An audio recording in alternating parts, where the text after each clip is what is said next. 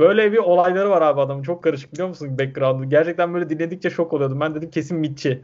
Net yani. Sonra onları anlattı dedi ki ben savaş pilotluğu yapmaya başladım dedi Amerika'da. Sonra ikiz kule olayları var ya abi o oluyor. Bütün e, yabancı asıl savaş pilotlarını şeye indirmişler. Yer görevine indirmişler. Bu da istifa etmiş. Öyle dedi. Sonra dedi ben Türkiye'ye geri döndüm dedi. Türkiye'de başka bir yüksek lisans yapmış bir yerde. Ondan sonra dedi ki buraya nasıl geldim hiç sorma dedi. Kapattı konuyu. Yersen. yani şu saatten sonra yersen yani. Bunların Ama hepsi cover net- değil mi? O adam net bir şeyler çeviriyor yani.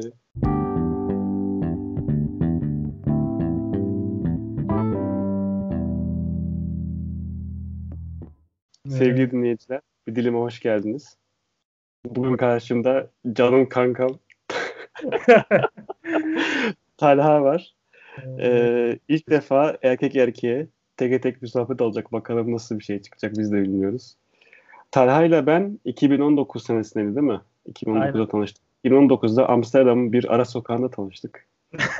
Ara sokakta demesem. Aynen. Ara sokakta tanıştık. Anlat bak- bakalım bu ara sokakta ne işi vardı senin Talha?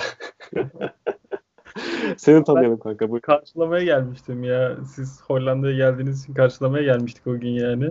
Ee, Kerem'le güzel e, anlarımız oldu. E, hem bazı yerleri beraber seyahat ettik. O, o bizim çok çok çok güzel fotoğraflarımızı çekti. Böyle Instagram'a atınca efsane şey ilgi uyandıran fotoğraflar çekti gerçekten sağ olsun. Öyle Kerem'le güzel bir e, dostumuz oldu yurt dışında. teşekkürler kanka. Çok şu an tanrı kıpkırmızı oldum. Eyvallah. Kendin de arada aklamış oldun ara sokak. Kardeşim yeni kanal açmışsın ziyarete gelelim dedik. Ayağımıza değdirelim dedik. Abi şimdi sen Trakya'da e, okumadın. Sen Sakarya'da okudun değil mi? Evet abi. Aslen Edirne'lisin. Aha. Edirne'den, yani Sakarya'dan Amsterdam'a çalışmaya gittin. Evet. Ee, o şeyi de anlatayım abi biraz bahsedeyim. Ee, ben Sakarya Üniversitesi bilgisayar mühendisliğinde okuyordum o zamanlar. Ee, yani şu an mezun oldum o yüzden böyle söylüyorum. Tam e, mezuniyetimin son senesiydi. Aynı zamanda Ford'da çalışıyordum bilgisayar mühendisi yani junior mühendis olarak. Bir yandan tabii e, benim hep bir isteğim vardı yurt dışına gitmeye. Daha önce Amerika'ya gitmiştim. O içimde böyle bir ukde kalmıştı. Work and Travel yapmıştım 3 aylık. Hep böyle bir yurt dışına şey hani gideyim biraz daha gezeyim, biraz daha tozayım falan diye. Hep bir istek vardı. E, araştırmaya başladım ben de son dönemimde artık. Bunun en kolay yolu zaten Erasmus yapmak. Bunu herkes biliyor. Hem devletten destek alıyorsun e, hem de vize falan olayları çok kolaylaşıyor senin için. En istedim Erasmus. Başvurdum işte sınavlarına falan girdim. Ama ben orada çalışıyordum şimdi. E, dedim ki Erasmus'a gideceğim. E, parasız olarak bir yerde çalışmak istemiyorum yani. En azından staj yapmak istiyorum. Güzel bir maaşla. Çünkü genelde öğrenciler mesela stajı şey olarak görüyor. İşte giderim e, bir okulun bünyesinde e, bir hocanın altında staj yaparım falan diye görüyor. Erasmus stajını. Bunun aksine kendin araştırıp da Erasmus stajı bulabiliyorsun. Okulun anlaşmalı olmadığı yerlerden, hani özel şirketlerden ücret karşılığı stajda talep edebiliyorsun. Ama bu çok çok zor. Gerçekten zor. Kabul ediyorum. Bu yola çıkınca abi çoğu kişi senin şeyini de kılıyor, kırmaya çalışıyor. Hevesini de kırmaya çalışıyor. Ben stajlar araştırmaya başladım. Açıkçası rahat 400-500 yere ben şey göndermişimdir. Kendi CV'mi göndermişimdir. Yani İngilizcem iyiydi. Ford'da çalışıyordum abi. Yani en azından background'ımın olduğunu düşünüyordum. Tabii böyle gönderince hani illaki düşük dönüş alıyorsun. Çünkü yurt dışındaki e, şirketler e, seni oraya getirmek için bir şey arıyorlar gerçekten. Sende bir şey bulmaları lazım. Adam İsterse çünkü Avrupa içinde birini çok kolay bir şekilde kendine çalıştırabilir. Onlarda öyle bir sıkıntı da olmuyor. İşte yok oturum iznine başvur, yok çalışma iznine başvur. Türkiye'den birisi geleceği için adamın hepsini uğraşması gerekiyor sıfırdan. Onun istek yapması gerekiyor adam oraya getirtebilmek için falan filan. Haliyle çok az dönüş alıyorsun. Dönüş aldıklarında hani hepsi direkt kabul etmiyor. Seni bir dünya işte şey istiyorlar. Önce bir mülakat gönderiyorlar. 2-3 mülakattan geçiyorsun falan. Bu yolda ilerlerken ama mesela gittiğimde hocalar bile hevesimi çok fazla kırdı yani. İşte adama diyorum ki hocam ben daha staj bulamadım. Ee, hani bağlantılarınız vardır. Bunu gittiğim kişi de Erasmus koordinatörü bizim bölümün. Hani oradaki en bağlantısı olan insan anladın mı? Böyle yurt Hı hı. dışında çocuklarla falan. Yardım edin diyorum hani bana varsa bir bağlantınız. Adam diyor ki nasıl bulamadın ya diyor bu kadar zor değil staj bulmak falan. Diyorum hocam işte ben e, ücretli staj arıyorum. Hani ücretsiz çalışmak istemiyorum. Aa bulamazsın ücretli staj falan diyor direkt tamam? Böyle bir heves kırma yani. Öylece zaten morali bozuluyor. Ben en sonunda zaten bulduktan sonra adamın gidip yüzüne gösterdim belki ya. Dedim buldum bak hocam dedim hani. Aa falan nereden buldun diyor. Yani bayağı uğraşarak böyle e, ilk baş ilk tercihim Almanya'ydı açıkçası. Ben Almanya'ya gelmeyi çok çok istiyordum. Hem Avrupa'da en e, düzeni yerinde böyle en e, sisteme oturmuş ülke olarak ben Almanya'yı görüyordum. Ya Hollanda onun, onun üzerine bir şey oldu aslında. Almanya'da çok yerle konuştum. O taraflardaki şey pek yolunda gitmedi. Biraz Almanca eksikliğinden ötürü yani hiç Almancam yoktu benim. Birkaç öyle şirkette konuştum. İngiltere'de birkaç şirkette konuşmuştum. En son Amsterdam'daki content provider şirketle anlaştık. Daha çok Java bilgim ağır bastı onlarda. Oraya e, Junior Java Developer olarak gittim. İşte biz bu şeyi anlaşmayı e, kısa süreli diye şey yaptık işte. Dedik 6 ay süreli zaten Erasmus vasıtasıyla gidiyorum gibi gözüküyor. Hani vize kontrolü falan filan. Daha sonra uzatmayı planlıyorduk. Hani ondan sonra üzerine koyacaktık benim performansıma göre. Öyle bir başlangıç oldu. Hollanda'nın vize sürecini anlatayım biraz abi. Vize süreci o kadar basit olmuyor gerçekten. Eğer uzun süreli kalmak istiyorsan Hollanda'da sancılı bir süreçten geçiyorsun. Diğer ülkelerde mesela Almanya'da e, bu oturum izni olayları falan bir ay kadar sürüyor. Hani bir ayda halloluyor tamamen bildiğim kadarıyla. Ama Hollanda için abi minimum 2-2,5 ay sürüyor. Gerçekten uzun süre. Hani başvuruyorsun belgelerini e, şeyle istiyorlar, postayla istiyorlar. Onları gönderiyorsun. Postanın gitmesi zaman oluyor. Ondan sonra onlar onları inceliyor. Bir daha eksik belge varsa bir daha istiyorlar. Tekrar postaya gönderiyorsun ve orijinal belge istekleri için böyle sıkıntı yaşıyorsun. Hani bizzat kargo ile gönderiyorsun imzaladığın belgeleri falan. Şunu merak ettim. Şimdi sen Erasmus sınavına giriyorsun okulda. Evet. Kazanıyorsun sınavı. Diyorsun ki ben bu kazandığım hakkı okulda değil de daha çok şirkette kullanmak istiyorum diyorsun. Evet. E o zaman vize evet. süreci niye bu kadar zor oluyor madem Erasmus kontenjanından gidiyorsun? Aslında Erasmus para, paravan olarak kullanıyorsun. Ya kanka Hollanda'da o fark etmiyor. Hollanda sadece öğrencilik yapmak için geliyorsan biraz kolaylaştırıyor senin için süreci.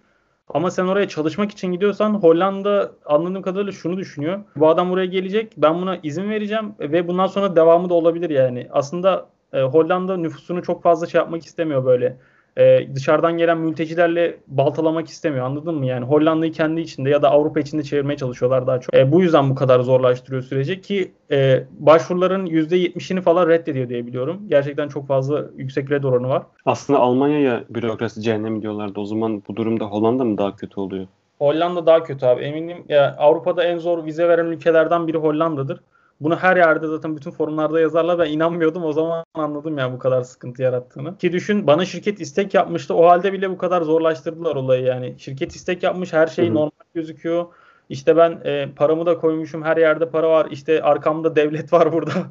hani Erasmus desteği veriyorlar falan. Ama adamlar o halde bayağı zorladılar. Yani mülakatlara falan soktular. Hani şey gidiyorsun işte konsolosluğa gidiyorsun. Onlar bir seninle konuşuyor. Diyor ki niçin gideceksin ne yapacaksın orada falan diye. Hı hı. Belgelere güzel dilekçe yazman gerekiyor. İşte şu için geliyorum şurada çalışacağım evim şurası olacak. Onları da önceden göstermen gerekiyor. Dedim ki Haziran ayında giderim. Hani her şeyi ona göre planladık. Vize süreci o kadar uzadı ki abi ben Eylül'de gidebildim yani düşün. O kadar ileri attı benim işimi. 2,5-3 ay rahat art, erteledik mecburen. Neyse ki şirket de bunu hoş karşıladı. Ben dedim e, belki bir sıkıntı çıkartırlar. Hoşgörüyle karşıladı şirketi. Tamam dedi hadi biz seni şey yapacağız, bekleyeceğiz falan. Alışmışlardır onlar da ya. Belki de bilmiyorum evet doğrudur. Alışmış olabilirler. Hani tamam dedi biz seni bekleyeceğiz falan. Ee, daha sonra her şey tamam kabul oldu. Bu sefer artık ev maratonuna giriştim abi. Ben onu da çok sonra öğrendim. Hollanda'da ev bulmak vize almaktan daha zormuş gerçekten. E, kat be kat zor yani. Hani sen Berlin'de şu an yaşıyorsun dedin ya ev bulmakta zorlanıyorum mesela. Aynen. aynı onun gibi abi. Aşırı zor. Ben Hollanda'da o yüzden 3 tane ev değiştirmek zorunda kaldım mesela. Kısaca örnek vermek gerekirse. 6 ay içinde 3 ev değiştirdim. İlk başta gitmeden buradan zar zor abi emlak e, sitelerinden baka baka işte bir tane ev buldum. 20 günlük bulabildim sadece. 20 günlük anlaşıp şey yaptım işte yerimi de orası gösterdim. Dedim ki ben burada kalacağım Hollanda'ya girdiğimden sonra. Kaç ee, euro verdin o 20 güne? 20 güne abi 450 euro falan vermiştim. Ve kiralar da çok fazla yüksek. Zaten bir gülümsedi yüzü fark etmiş. çok yüksek. Abi 450 euroya burada komple daireyi kiralayanlar var ya. Aynen. Çok Ve şöyle düşün abi Amsterdam'da kalmadım ben 450 euroya. Şeyde kaldım. Almira diye bir Amsterdam'ın e, bir 20 dakika trenle 20 dakika uzağında bir şehir var. Orada kaldım. Almera'da kaldım ilk gittiğimde. Daha çok orası böyle şeylerin kaldığı hani Hollanda dışından gelenlerin, mültecilerin kaldığı yerler öyle diyeyim. Abi tren üstüne bir de tren bileti eklendi tabii. Onu da alıyorsun. Ya neyse ki şu vardı. Aynen tren biletini e, şirket karşılamayı kabul etmişti ulaşımı. Ondan Hı sıkıntı yaşamıyordum şirkete gidip gelirken. Ama evet Amsterdam'a mesela canım istedi kalkıp cebimden git gel 20 euro tren bileti parası çıkıyordu abi o çok kötü oluyordu. Ondan sonra abi 20 günde oldu da ben gider gitmez zaten e, bunu bilerek araştırmaya başladım. Yine emlak, emlak sitelerine falan kaydoldum. Bir de şöyle bir sıkıntı var. E, Türkiye'den gidecekler için söyleyeyim bunu. E, sahibinden.com mesela Türkiye'de çok fazla kullanır abi ve ücretsizdir %100. Kolaylıkla kiralık daire falan bulabilirsin. Yurt dışında e, Hollanda için söylüyorum. E, Hollanda'da abi sitenin ismi Kamernet'ti. Kamernet diye bir site var ve ücretli abi site. 15 günlük üyelik alıyorsun 30 euro. Bir aylık almak istersen 50 euro. Mesela böyle fiyatları var. Yani adamlar öyle para kazanıyorlar. Alternatif yok mu bunun? Bazı siteler var abi hepsinde sonunda parayla bitiyor ama öyle diyeyim ben sana. Bu çok garip. Bu yani Evet. Almanya'da mesela hiç öyle bir şey yok. 10 Aynen. tane emlak sitesini e, sayabilirim sana. Onun da ücretsizdir yani. Aynen. Mark Platz var mesela. Mark Platz'ta da yine aynı şekilde sonunda e, bir para ödemek zorunda kalıyorsun. Yani evin ev sahibinin bilgilerine ulaşmak istiyorsun. Mesela evi gördün beğendin. Diyor ki bana para ver. şey gibi geliyor yani böyle. Bunu en kolay başka türlü nasıl halledebilirsin? Ben Facebook gruplarını gördüm. İnsanlar Facebook gruplarından daha çok koşturuyor ama inan böyle her yere yazmadan ev bulmak çok zor oluyor Hollanda'da. O 20 gün içinde ben tekrar ev aramaya başladım abi sıfırdan. Bu sefer son çıkmama 3 gün falan kaldı artık böyle tutuştum. Diyorum ki bulamayacağım kesin otele falan düşeceğim. Son 3 gün kala abi bir tane ev buldum. Oradan da hani şansıma bir tane kız ayrılıyormuş evden. Acil ayrılması gerekiyor. Öyle denk geldi. Hani kendi sözleşmesi varmış çocuklarla. Onlarla hani hep beraber demişler biz bir yıl beraber kalacağız diye. Onlara sözünü bozmamak için kendi evini kiraya vermek istiyor. O da 2 ay falan daha süresi vardı. Onun yerine 2 aylığına ben girdim o eve. Or- orası Amsterdam'daydı. Ee, merkeze metro ile 10 dakika uzaklıktaydı. Yani metro ile gidip gelebiliyordum yanından çok kolaydı. Oraya da abi 750 euro veriyordum. Bir odaya sadece. Abi senin maaşın kaçtı? Onu konuşmak istemiyorum abi bunları. Para kazanacağım diye deyip gidip de yani ne yap para mı ödedin bir de üstüne yani? Öyle anladım ben şu an. Ee, para ödemek zorunda kalıyorsun abi zaten. Ben bunları bekliyordum ama e, bu kadar pahalı olacağını evet beklemiyordum. Giderken yanımda belli bir nakitle gittim zaten. E, şirketten de aldığım para ve Erasmus'tan aldığım parayla birlikte ben bunları hepsini combine ederek güzel bir yaşantı sürmeye çalıştım orada. Ama bu Amsterdam'da e, iki ay kalmam bana gerçekten sağlam yük oldu. Yani iki aydan vurunca ben oraya 1500 euro artı bir de şeyler var. Onları saymıyorum. Elektriği, suyu, doğalgazı var bunun. Dahil değil mi o 750'ye? bana? Dahil değil abi hiçbir şey. Hiç dahil değil. Bunları katınca hepsi abi üst üste biniyor. Ondan sonra ben orada şey hesabı yapmaya başladım zaten. Kalem kağıdı alıyorsun hesap yapmaya başlıyorsun. Güzelce böyle. Güzel Abi şu an içim yandı ya. Seni Düsseldorf'a getirdik, Brüksel'e götürdük. İçim yandı deseydin seni çağırmazdık ya. Sen mi karşılayacaktın her şeyi? Öyle bir var ortaya atardık bir şeyler herkesin cebinden. Pamuk eller cebi misali. Yok Peki abi. abi market alışverişi nasıl orada? Market alışverişi Almanya'dan ucuz olmasın iyiydi yani fiyatlandırma gerçekten. Mesela haftalık ben 20-25 euroya çok kolay e, bütün evin marketini yapıyordum kendi yiyeceğimi içeceğimi en azından. 25-20-25 euroya tamamen çıkartıyordum her şeyi. Yani aya vurursak 100 euroya e, aylık çok rahat yiyip içebiliyordum.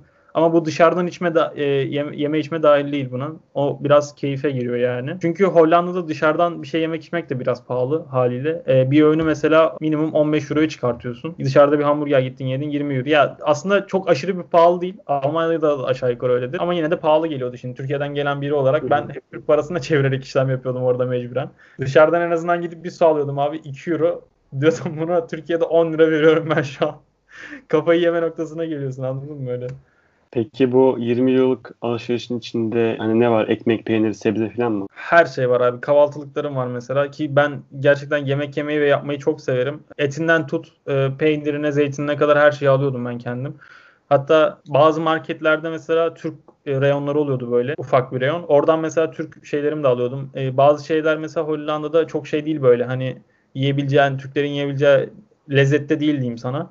Mesela peynir olsun e, veya zeytin olsun tam aynı kaliteyi yakalayamıyorsun. Mesela Albertine'da o reyonda direkt şey oluyordu. E, Marmara Birliği'nin zeytini falan oluyordu. Onlardan alabiliyordum Türkiye'de bulunan. O yandan güzel oluyordu. Her şey dahil yani 20-25 liraya çok rahat e, doyabiliyordum ben. E, zaten kendi yemeğimi kendim yapmaya çalışıyordum mümkün olduğunca. Hem e, paradan tasarruf etmek için hem daha çok gezmeye ücret ayırabilmek için hani paramı daha çok gezmek için ayırabilmek için. Hollanda'ya dışarıdan baktığında hani böyle işte çalmak, çırpmak, zarar Hı hı. vermek, öldürmek tarzı dışında her şey özgürmüş gibi duruyor. evet. Ee, bu topluma nasıl e, yansıyor? Yani bir fark gördün mü orada insanlarda? Böyle her Evet. böyle insan çığırından çıkmış mı yani bu klişeden klişeden biraz şey yapalım. Gidelim. aksine onu hiç görmedim. Ee, insanlar daha çok kendi hallerinde herkes yani tamam eyvallah uyuşturucu şey işte serbest her şey serbest dediğin gibi adam öldürme falan dışında her şey serbest neredeyse sokaklarda. Ama e, insanlarda çok bunu görmüyorsun ya. Galiba serbestlikten e, çoğu kişi alışmış oraya hani bu haline.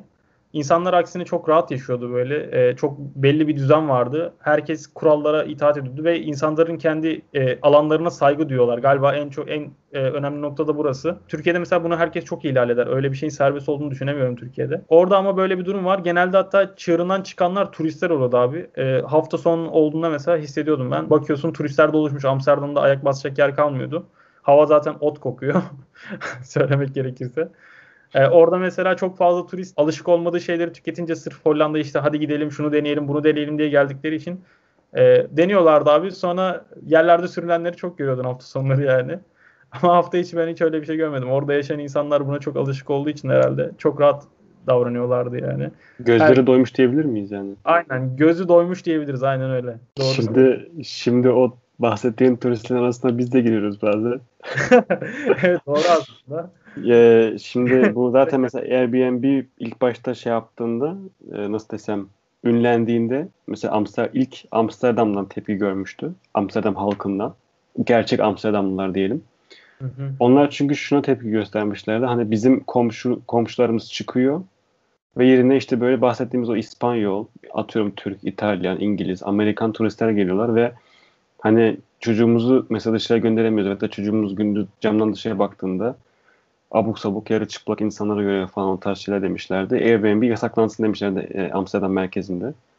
Bak, e, dedim bilmiyorum. hani acaba çok fazla abartıyorlar falan dedim. Sonra ben gittim oraya Airbnb ile. İyi arkadaşımla gittik. İşte o kardeşini, komşusunu falan getirdi. Bayağı büyük bir gruptuk. Evet. Ee, ben ön lisans mezunu olduğumda hani onu kutlamaya gittik sözde. Hı hı. Sözde arkadaşlarım beni kutlamaya götürüyorlar. Yersen. Gittik abi oraya. Evi kiraladık. Şimdi bizimkiler başladılar içmeye. Sabah çıkıyorlar abi akşam geri geliyorlar. Şimdi bu ilk iki gün kendileri geldiler.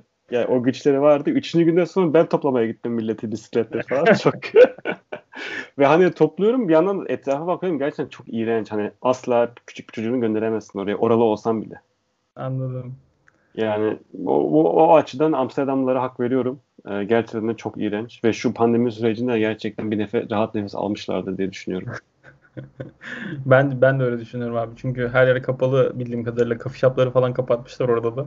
İnsanlar bayağı acı çekiyordu. Ya şu an belki açmışlardır da pandeminin bir süresi kapalı kaldığını biliyorum yani. O sırada insanlar hatta isyan ediyordu böyle. ilk kapatılacağı duyurulacağı, duyurulduğu zaman e, insanlar kafe shopların önünde böyle kuyruk falan oluşturdu abi. Depo yaptılar evlere yani bayağı. O fotoğrafları gördüğümde çok gülmüştüm.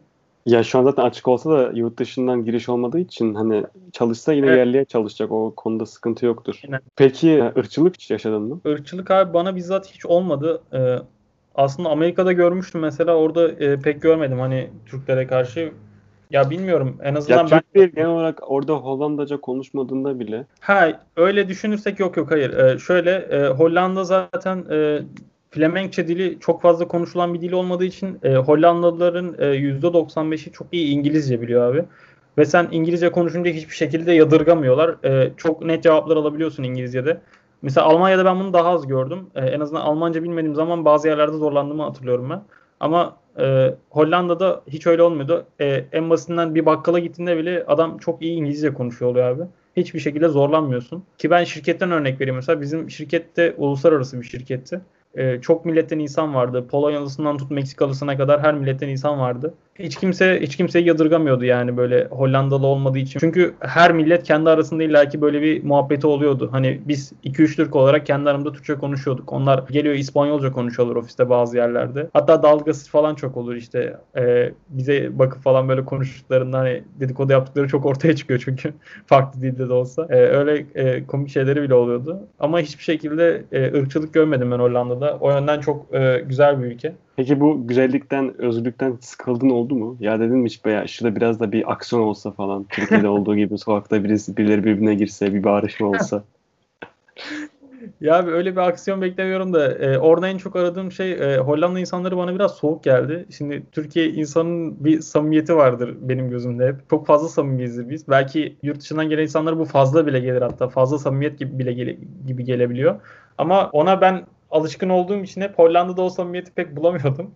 Açıkçası o samimiyeti hep aramıştırım yani böyle. İşte e, sokakta birine de denk gelip selam vereyim. Onu çok arıyordum orada. Hatta şöyle bir anımı anlatayım. Hollanda'ya gittim ben iki ay falan oldu abi. O zamana kadar e, tek ofiste bir tane Yağız diye bir arkadaşım vardı. O Türktü. E, onunla da böyle aşırı ileri bir dostluğumuz yoktu. Yani en azından goy goy yapıyorduk o kadar. Başka hiçbir Türk'te görüşmemişimdir diyebilirim. Bir de sevgilimle görüşüyordum telefondan haliyle. Onunla çok fazla sık görüşüyorduk. Sağ olsun çok yardımcı oluyordu bana her yönden. Ben bir tane abi çiğ köfteci buldum Hollanda'da. Araştırdım. Dedim acaba var mıdır? Baktım çiğ köftecim diye bir tane şey var. Şube açmış adam. Dedim ben bir gideyim çiğ köfteyim. Bir yandan da canım çok çekiyor. Hem dedim belki Türk görürüm oradan. Hani denk gelir ya. Hadi Hollandalı da olabilir sahibi de. Gittim abi böyle kapıyı bir araladım. Hem de metro ile gittim biliyor musun? O kadar uğraştım yani giderken. 2-3 e, metro falan değiştirdim. Buldum işte. Böyle bir kapıyı araladım abi. Bir inceden attım oltayı dedim. Selamun aleyküm diye girdim. bir bekledim cevap bekliyorum adamdan. Adam böyle bir salağa bağladı tamam mı? Dedi, ne, niye böyle salak gibi bakıyor acaba diye baktı. Aleykümselam dedi. Gittim abi dedim sen Türk müsün? Türk'üm dedi.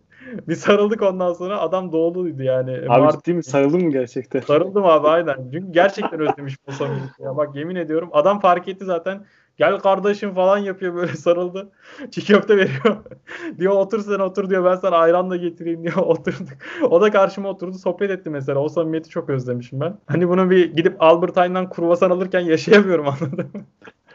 E peki merkezde simit sarayı var. Simit sarayı vardı abi. Orası çok kalabalık oluyor genelde. Böyle bir muhabbete girmek için çok açık olmuyor yani. Ve Türk sayısı düşüktü gerçekten. Ben gittim mesela konuşmaya çalıştım. Bir tane falan Türk oluyor onların aralarında. Onun adamı şimdi o kadar yoğunluk içinde alıkoyamıyorsun. Hmm genelde. Ondan ötürü çok şey olmamıştı. O adam tek olduğu için orada biraz öyle bir samimi ortam oluşmuştu. Güzel olmuştu yani. Ha, Hollanda'da Türk yok değil bu arada var. E, dükkanlarda falan denk geliyordum. Açıkçası e, çok fazla hepsiyle muhatap olmak istemiyordum abi. Amsterdam'dan sonra ben başka bir yerde ev buldum. Yine Alkmaar'da. O da Amsterdam'ın kuzeyinde bir şehir. Tamamen Dutch kenti olarak geçer. Sadece Hollanda'nın yerlileri yaşar orada. Oraya gitmiştim. E, orada işte markete girerken marketin yanında baktım bir tane dönerci var. Dedim bir gideyim acaba Türk mü dedim buradaki adamla. Bir gittim bir tane Türk adam işletiyor oraya harbiden. O adamla mesela biraz konuşmuştuk. Adam çok vatansever biriydi abi. Yani sürekli ben Türkiye'ye gidince bile sorup sorup duruyordu işte Türkiye nasıl bana anlat falan filan diye öyle bir adamdı. Kendisi gitmiyor muymuş? Kendisi çok sık gitmiyormuş abi. E, mecburen dükkanı falan bırakıp gidemiyorum dedi çok. E, arada gitmeye çalışıyorum bir senede bir kere falan anca öyle. Ama çok seviyordu yani ülkeyi şimdi bilmiyorum. O bana söylemişti mesela dedi ki burada gördüğün dedi hiçbir ülke çok fazla güvenme dedi.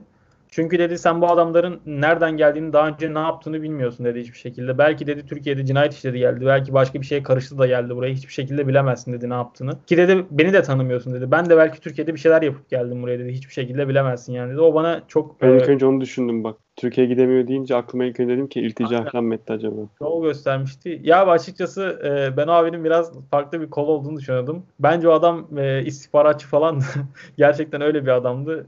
Kanka çok akıllı biriydi birincisi. İkincisi geçmişi çok karışıktı. Adam Hollanda doğumlu abi. Türkiye'ye işte bir ara şeye gitmiş. E, liseyi orada okumuş. Türkiye'de okumuş. Sonra üniversiteye başlamış. E, daha sonra Amerika'ya gitmiş üniversitede üniversite okurken. O zaman dönerci mi olmuş abi? İşletme okuyormuş abi üniversite. Evet. Amerika'ya gidip sonra şey yapıyor. Pilotluğa başlıyor. Savaş pilotluğu. Böyle bir olayları var abi adamın. Çok karışık biliyor musun background'u? Gerçekten böyle dinledikçe şok oluyordum. Ben dedim kesin mitçi. Net yani. Abi mitçi olsa bile yani niye Hollanda'nın kuzeyine gidersin döneci açarsın. Çok alakası. Hani merkezde olsan neyse de. O, orası zaten bana garip geldi. Sonra onları anlattı dedi ki ben savaş pilotluğu yapmaya başladım dedi Amerika'da. Sonra ikiz kule olayları var ya abi o oluyor. Bütün e, yabancı asıl savaş pilotlarını şeye indirmişler. Yer görevine indirmişler. Bu da istifa etmiş. Öyle dedi. Sonra dedi ben Türkiye'ye geri döndüm dedi. Türkiye'de başka bir yüksek lisans yapmış bir yerde. Ondan sonra dedi ki buraya nasıl geldim hiç sorma dedi. Kapattı konuyu. Birkaç daha böyle muhabbetimiz oldu bizim. Adam çok garip biriydi anlayacağım böyle. Hep farklı şeyler anlatıyordu bana anladın mı? Ailesi var mıydı peki? Vardı abi aynen. İki tane kızı vardı arada görüyordum onları da. Eşi abi falan çok, şu an şok. Arada. Aynen çok değişik bir adamdı kanka. Ha eşi Türk değil Hollandalı. Evet eşi Hollandalı. Yersen. yani şu saatten sonra yersen yani. Bunların Ama hepsi cover değil mi? O adam net bir şeyler çeviriyor yani. Sen git Amerika'da savaş pilotu ol sonra gel Amsterdam'da döner kes. Döneri güzel miydi bari? Çok farklı bir şeydi. Aynen döner güzeldi kanka. o işi iyi yapıyordu. Kalanını bilmem de. Ya bana biraz o şeyi andırmış işte böyle hani milletini falan sevmesi de biraz şeye vurdu işte. O kısma vurmuştu. Yani yalan söylediğini zannetmiyorum ben. Zaten tek kişiyim orada istediği kadar yalan söylesin de. Hani hiçbir çıkarı olmazdı bunun yalanın üzerinden. Ondan öyle abi düşündüğüm yani. O yol göstermişti bana sağ olsun. Bazı Hollanda'da bazı şeylerime yardımcı olmuştu. Ya açıkçası ben dediğim gibi Türklere çok yanaşmaya da şey yapmıyordum. Bakma böyle dediğime hani işte buldum falan diyorum da ben uzakta durmaya çalışıyordum bir yandan şimdi. Bakıyorum böyle Erasmus grupları falan vardı illaki. Ama yine Türklere çok yanaşmak istemedim. Neden? Dilimi biraz daha fazla geliştirmeme olanak sağlayan böyle. Ee, Amerika'da da ben aynısını yapmıştım açıkçası. Türk fazla çok fazla kişiyle tanışmıştım orada Türk ama olabildiğince de uzak durmuştum hani. Ya şöyle uzak e, durmak derken Türklerden nefret ettiğim için değil de abi e, gerçekten o samimi ortama girince bir daha çıkamıyorsun ben onu biliyorum. Baya şey yapamıyorsun yani kendi şeyini yaşayamazsın orada. Hani rahatça ne için geldiğini biliyorsun. Dilini falan geliştiremezsin mesela bence. Ben o yüzden biraz daha mesafeli duruyordum. Şirketin ortamı o yönden tam benim için biçilmiş kaptandı. Herkes İngilizce konuşuyordu. Benim yaşımda stajyerler vardı. Onlarla aram çok iyiydi. Bu yönden çok, çok iyi oluyordu mesela benim için. Ki İngilizcemi de katladığımı düşünüyorum orada iki katına. Bana fazlaca katkısı olmuştur yani. Amsterdam dediğimizde akla gelen ilk üç şey bisiklet kültürü, evet. e, uyuşturucu ve red light. Aynen öyle evet doğru. Şimdi Amsterdam'a geldin ilk hafta sonu. İlk Hı. ne yaptın abi? İlk hafta sonu mu? Aynen. İlk hafta ilk hafta sonu ilk gezmeye çıktığında ilk hangisini denedin bu içinde? Bakayım ne dedim? Bisiklet dedim. Şimdi nereden başlasam ki abi böyle çok sıkıştırıcı bir soru oldu. Üçünü de denemedim desem yalan olmaz e, açıkçası. Ben e, gezmeyi görmeyi daha çok tercih eden biriyim. O yüzden e, ilk e, hafta sonu geldiğimde e, evime yerleştim. Daha sonra direkt zaten hiç eşyaları falan bile dizmeden direkt tren atladım Hollanda'ya gittim. Do Amsterdam'a gittim doğrudan. İlk abi orada olduğumu tam olarak şey yapmaya çalıştım. Bir kendim özümsemeye çalıştım. Ben gerçekten Amsterdam'dayım şu an diye. Abi tren istasyonundan dışarı çıktım. Orada e, Central istasyon vardır bir tane. Oradan dışarı çıktım. Böyle bir e, kanallarına doğru baktım abi. Her yer şey dolu. Hava ot kokuyor. Mükemmel dedim. içimden. Sonra kulaklığımı taktım. Müzik dinlemeye başladım. O çok güzeldi. Başladım dolaşmaya abi. Yayan. Ama hiçbir şekilde bisiklet falan değil. Yayan. Çok güzel oluyor o şekilde. Tavsiye ederim insanların denemesini. Yeni yemekler tatmayı çok severim. İlk gittiğim günde mesela e, güzel bir yerde oturdum, yemek yedim. Damsukere karşı bira içtim mesela. Çok güzeldi. Çok güzel bir deneyim. Onu tavsiye ederim. Benim zaten otta falan çok fazla işim olmuyor abi. Ondan ötürü kullanmadığım için de e, açıkçası çok şeye girmedim. E, havadan koklayarak gezmişimdir. sıvı çok var abi. Sıvı çok vardır. İçerim ama e, kuru hiç kullanmam yani. Ne sigara içmişliğim vardır e, ne de ot kullanmıştım yani. Bir kere bir deneyimlemiştim ama o da Hollanda'da değildi zaten Türkiye'deydi. Abi Red Light'a girmedim diye yalan söyler zaten. Oraya illaki Hollanda'ya yakmasan girer yani. Red Light'a tabii ilk e, gün gitmedim. Neden dersen ilk gün yerini bilmiyordum abi. Abi bilse gidecektin ya. yok yok şaka diyorum. Özellikle araştırmadım. E, sonraki haftalarda bir e, gezmiştim. Açıkçası ilk defa yanlışlıkla buldum ben orayı. Sokaklarda gezerken e, bir yere girdim abi. Bir baktım böyle camlarda tabiri caizse abi kadınlar var böyle seks işleri var. Allah Allah dedim neresi burası falan filan ben böyle mülayim bir şekilde geziyorum. Böyle garip bir yerde. e, Hollandalılar abi aslında bu e, Red Light District kültürlerinin bir parçası olarak görüyorlar tamamen. Ben orada e, Hollanda'da yaşayanlara sorduğum kadarıyla seks işçilerine kesinlikle böyle aşağılamazlar. E, onların işi o diye bakıyorlar kesinlikle. Hani böyle onlar hayatlarını o şekilde kazanıyor diye bakıyorlar. Mesela Red Light District'te telefon kamera çıkarmak yasaktır. İnsanlar sana kötü gözle bakıyor. Ne kadar oraya turistler de girse hem kad- orada çalışan işçiler kötü gözle bakıyor sana. Hani ya yüzlerini saklarlar. Ya harbiden yaptığın hoş olmuyor aslında. Turistler onları böyle çıkartıp çeker falan. Orada e, yapanları görünce zaten e, sen de utanıyorsun. Diyorsun ki hani bu yapılmaz insanlara falan diye. Orada çalışanlar o şekilde görüyorlar yani. E, herkes ekmeğinin peşinde diye. Peki bunun toplum üzerinde nasıl bir etkisi var? Mesela onlar için erkek erkeğe gidip bir hafta sonu orada eğlenmek normal mi yoksa onu gerçekten Çok sadece hani ihtiyacı olan mı yapsın diyorlar? Yani kendileri nasıl görüyorlar? Ee, açıkçası açık açık ben bunu kimseye sormadım. Bunu nasıl şey yapıyorsunuz, görüyorsunuz diye. Bence onlar için de gayet normal bir olay. Ee, sadece birkaç e, Daş'la konuştuğumda ben şeyi duyuyordum. E, çocukları için fazla iyi olmadığını bu durumların hem uyuşturucu serbestliğinin hem e, bu kadar her şeyin e, seksin falan serbest olmasının e, çocuklar için iyi yönde olmadığını söylüyorlardı. Mesela adam diyordu ki e, benim oğlum 11 yaşında. Şu anda yapabileceği her türlü şeyi yapmış durumda diyordu. Hani aslında bazı insanlar buna iyi de diye bakabilir ama yanlış yola yönelmeleri çok daha kolay oluyor diyordu bu şekilde. Mesela adam uyuşturucuya başlayıp 11 yaşında başlayıp 12 yaşında başlayıp bırakmıyorlarmış bazıları. E, o yönden çok kötü etkiliyor. Bunların serbest olmasını o yüzden çok desteklemiyordu Dutch vatandaşları. Bunları da Alkmaar'da yaşadığım için bu kadar çok biliyorum. Alkmaar'da sadece Dutch'lar yaşardı. Mesela benim ev sahibim olsun, onun arkadaşları olsun Dutch'ta hep. Onlarla görüştüğümüzde biz hep bunları konuşuyorduk. Yani ben onlara soruyordum aynısını senin sorduğun şekilde. İşte burada uyuşturucunun serbest, serbest olmasını ne, nasıl karşılıyorsunuz falan diye. Onlar bu şekilde cevap veriyorlardı. Ha, gençler için tabii bu biraz lay lay lay lom tabii. Hani gidelim Hollanda'da evlenelim falan filan. E, mükemmel olay harbiden. Sen galiba 6 ay kaldın değil mi toplamda? Evet. Bu 6 ay içerisinde sevgilin de seni ziyarete geldi diye hatırlıyorum ben. Tabii tabii ziyarete Bunu nasıl gezdiniz? Nasıl organize ettin mesela o tarz işleri? Abi benim şirkette aşağı yukarı bir 12-13 gün iznim vardı. Ben onu hiç kullanmadım. E, Nur gelecek diye sırf sakladım hepsini. E, depoladım abi. Son e, işte 2 ay kala tamamen stajın bitmesine. Biz plan yaptık güzelce. E, Şubat'ta hem sevgililer günü dahil olacak şekilde 14 e, 13 Şubat'ta gelmesini planladık. 17 Şubat'ta da benim doğum günüm bu arada. 17 Şubat'ta dahil olmak üzere böyle uzun e, 17 günlük bir plan yaptık. Önce gün sayısını belirledik. Sonra işte sevgilimin haliyle pasaportu e, yani vizesi yoktu yurt dışı için. Ona bir vize ayarlamaya çalıştık. Burada yine şey faktörü ortaya girdi. Hollanda'ya vize almanın zorluğu. Ben ona istek yapacaktım ilk planda. E, bunu düşündüm. Ben birkaç forum sitesine yazdım. Herkes şunu dedi. Kesinlikle sen istek yapma. Kabul etmeyecekler. Red diyecek falan diye. Ondan sonra farklı bir yola yöneldik. Dedik ki İtalya'dan giriş yapsın. İtalya'ya turist vizesi aldıralım. Bu sefer o yola yöneldik. E, harbiden o işe yaradı. E, bankada para gösterdi. Turist vizesi aldı Schengen. Direkt İtalya'dan giriş yapacaktık plana göre. E, ben de işte her şeyi ayarladım. Seyahat planına başladım tamamen böyle güzel bir şekilde. E, seyahate planlarken en önemli şey abi ucuzluktur zaten. Planı çok araştırmanız gerekiyor öncelikle. Hani böyle direkt turlarla kolay bir şekilde gidebilirsiniz aslında paranız varsa. Yalan yok şimdi. Hani atlayın bir tura para verin gezdirsin sizi çok güzel bir şekilde. Ama e, tura aslında gerekenden çok fazla para ödemiş oluyorsunuz.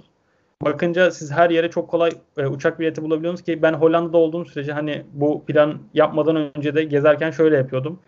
Hollanda'dayım. E, hiçbir engelim yok. Hafta sonu istediğim yeri gezebilirim. E, direkt açıyordum Skyscanner'ı. Bilmeyen varsa o siteden e, uçak bileti veya otobüs bileti çok kolay bulabilir. Açıyordum Skyscanner'ı. Ben bu hafta sonu nereye gidebilirim? Bütün taraflara veya bu hafta değil de bir dahaki hafta sonu nereye gidebilirim? Amsterdam'dan kalkışlı bütün uçuşları aratıyordum abi. Önüme ne gelirse. Orada en ucuz e, uçuşlara bakıyordum işte neler var mesela diye. 8 Euro'ya kadar uçak bileti bulabiliyorsunuz o kadar söyleyeyim. Ama o Düsseldorf kalkışlıydı. Düsseldorf'a 5 Euro'ya otobüsle gittim. Onu da ucuza buldum. Normalde Düsseldorf e, Amsterdam arası e, 20 Euro kadardır falan aşağı yukarı 20-25 Euro'dur. E, onu da 5 Euro'ya önceden alarak bulmuştum. 5 Euro'ya Düsseldorf'a gittim. Düsseldorf'tan havaalanına geçtim. Havaalanından 8 Euro'ya Milano'ya uçtum. Normalde bu imkansız trip denilen 13 Euro'ya toplamda ben Amsterdam'dan şeye geçmiş oldum. Milano'ya geçmiş oldum mesela. Ya iyi araştırınca açıkçası bunu yapmak çok zor olmuyor. Ee, bolca araştırıyorsun, bolca uçak bileti arıyorsun. Ee, indirimleri olabildiğince kovalıyorsun. Bu şekilde yapınca tribi çok kolay planlayabiliyorsun. Mesela aynı şekilde Flixbus çok ünlüdür şeyde yurt dışında. Flixbus'ın indirimlerini çok kovalıyordum. Ee, biz daha çok böyle yapmıştık mesela Nur'la gezerken. Ee, o geldi İtalya'ya. Zaten onun da en çok girmek istediği ülke İtalya'ydı. O, o şekilde de çok iyi olmuştu. İtalya'dan direkt e, Venedik'e gelmişti. Ben de Milano'dan Venedik'e geçmiştim. Orada buluşmuştuk. Daha sonra sıradan gezmeye başlamıştık. Uzun bir trip planlamıştık. Böyle Venedik, e, Floransa, Roma. O şekilde güzel uzun bir trip planlamıştık. Çok güzel olmuştu. Ama Evet. o zaman Interrail bileti almak hiçbir şekilde mantıklı değil. Yani mantıklı olduğu durumlar olabilir abi. Mantıksız olduğu durumlar olur. Onu araştırmak gerekiyor dediğim gibi. E, tarihlere bakmak gerekiyor. E, bazı tripler o kadar ucuz oluyor ki ağzın açık kalıyor böyle. Mesela ben o 8 euro bileti imkansız bulamam diyordum ama çıkıyor yani bazen. Aynı şekilde e, biz şeye gittik en son. Prag'a gittik. Prag'dan Fransa'ya uçtuk. Onu da 20 euro uçtuk mesela kişi başı. O da çok ucuzdu. Prag-Fransa arası genelde biletler 100 euro, 120 euro falan oluyor. Ama tarihler arasında öyle bir denk getirdik ki çok ucuza gelmişti yani. Direkt uçabilmiştik. Ya gerekince şey yapıyorduk mesela. Bakıyoruz e, bir gün sonrasına ucuza bilet var. Bir gün daha orada konaklıyorduk. Daha iyi geziyorduk orayı. Mesela Prag'da biz iki gün kaldık. İki gün Prag'ı gezdik. İkinci gün çok ucuza bu bilet vardı. Direkt oradan Fransa'ya uçmuştuk çok kolay bir şekilde. E, biz bu şekilde 10 günde falan Orta Avrupa turu yaptık bir güzel. E, daha sonra en son Amsterdam'a döndük. Amsterdam'da da o benimle birlikte bir 7 gün daha kaldı. Çok güzel bir trip çıkardığımıza inanıyorum. Bilmiyorum bir daha hayatımda böyle bir şey yakalayabilir miyim de. Sırtımızda çantalar e, çok güzel bir şekilde gezmiştik. Şimdi hem Amsterdam'da hem de İstanbul'da çalışan biri olarak sence en iyi iş e, koşulları nerede? Ve de daha iyisi nerede? Daha iyisi nerede? Abi tabii bakınca ben Amsterdam'da çok daha iyi koşullarda çalışıyordum.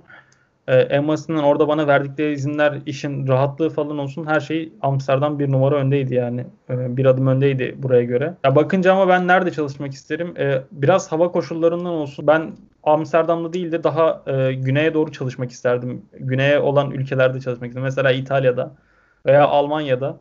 Almanya'da en azından biraz daha güneş görebiliyorsun e, buradan bakınca. Hollanda'da böyle bir imkanın pek olmuyor abi. Hava koşulları biraz daha serttir. İngiltere'ye benzer. E, sürekli yağmur yağar. E, güneş doğmuyor gibi yani Amsterdam'da. Evet, biraz güneş doğmuyor gibi aynen.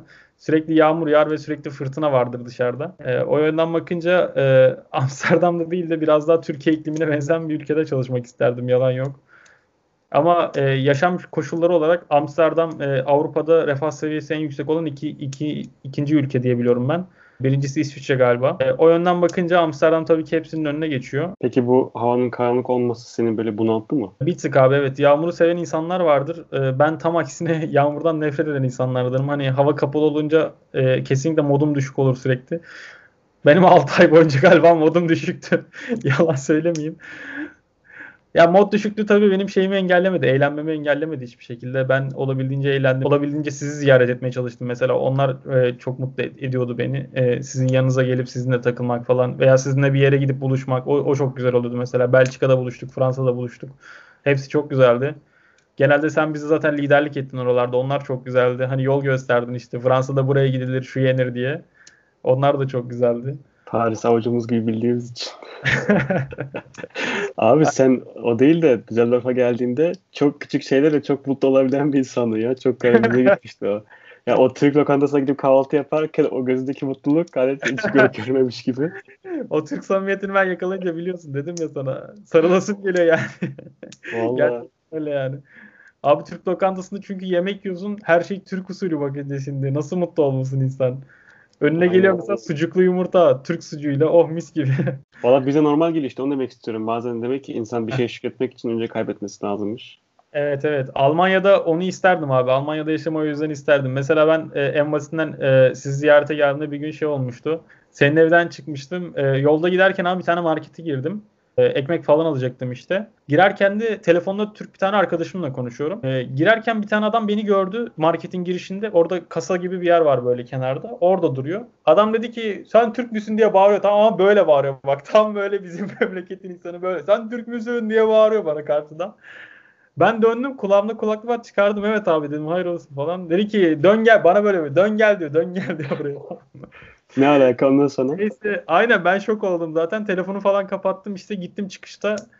Geldi ya kardeşim dedi hoş geldin falan filan nereden geliyorsun dedi. E, buralardan mısın dedi işte. Dedim ki yok abi dedim ben Amsterdam'dan geliyorum işte orada çalışıyorum falan. Arkadaşlarımı ziyarete geldim. Aa dedi Amsterdam'da ne yapıyorsun? Böyle muhabbet muhabbet acıyor adamla. Ayaküstü 15 dakika sohbet ettik. O çok güzel olmuştu. En sonunda dedi ki ya dedi sen misafir misin burada dedi. Adam şey satıyordu abi marketin içinde. Ee, börek, çörek falan satıyordu böyle. Hı hı. Öyle kendi bir yeri vardı. Gel dedi ben sana dedi şey yapayım işte. E, ne onun ismi? Doldurdu abi poşete dolduruyor eline geçen atıyor. Simit koyuyor. Börek atıyor. Bir tane patatesli bir şey atıyor. Kafasına göre doldurdu. Para verdim almadı. Abi dedim al ya gözünü seveyim falan. Yok diyor benden diyor. Sen diyor bir daha gelirsin buraya bir daha görüşürüz falan. Çok öyle güzel bir samimiyeti vardı adamın yani. Peki abi kapanışı şöyle yapalım. İnsanlara vermek istediğin bir tavsiye, bir öneri var mı?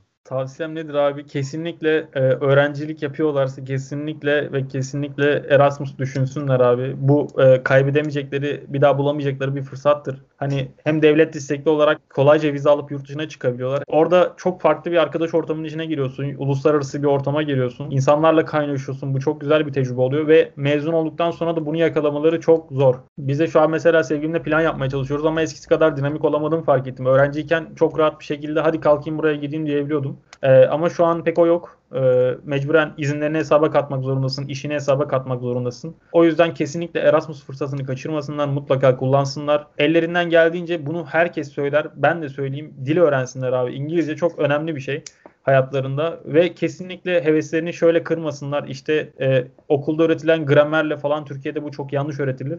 Okulda öğretilen gramerle İngilizcenin olduğunu zannetmesinler. Ben İngilizceden açıkçası e, okul hayatım boyunca hep kötü geçmiş biriyim. Okulda öğretilen İngilizceden. E, lisede falan İngilizcem hep zayıftı. Ta ki Amerika'ya gidene kadar ben Amerika'ya gittiğimde İngilizcenin o olmadığını öğrendim. Orada konuşmayı öğrendim. E, insanlarla iletişime geçmeyi öğrendim. Daha sonra geldiğimde gramerin aslında hiçbir şey olmadığını fark ettim. Zaten hani konuşmaya başlayınca gramer kendinden geliyordu bir yerde. Sadece kelime öğrenmen ve cümle kurmayı, kurabilmeyi öğrenmen yeterliydi. Boş yaşamasınlar abi. Tavsiyelerim bunlar. Umarım faydalı olur herkese. Umarım konuştuklarımız da faydalı olmuştur. Sohbet havasında geçti biraz ama Zaten olay bu abi. Arkadaş arkadaş sohbet ediyoruz ve diğer arkadaşlarımız bizi dinliyor. iyi çok iyi. Tamamdır o zaman. Talha ben hem kendi adıma hem bütün dinleyicilerin adına teşekkür ediyorum ayırdığın zaman için. Ben de teşekkür ederim davet ettiğin için buraya. Karlı Berlin'den güneşli İstanbul'a selam olsun o zaman. Eyvallah abisi. Bay bay. Görüşmek üzere abi.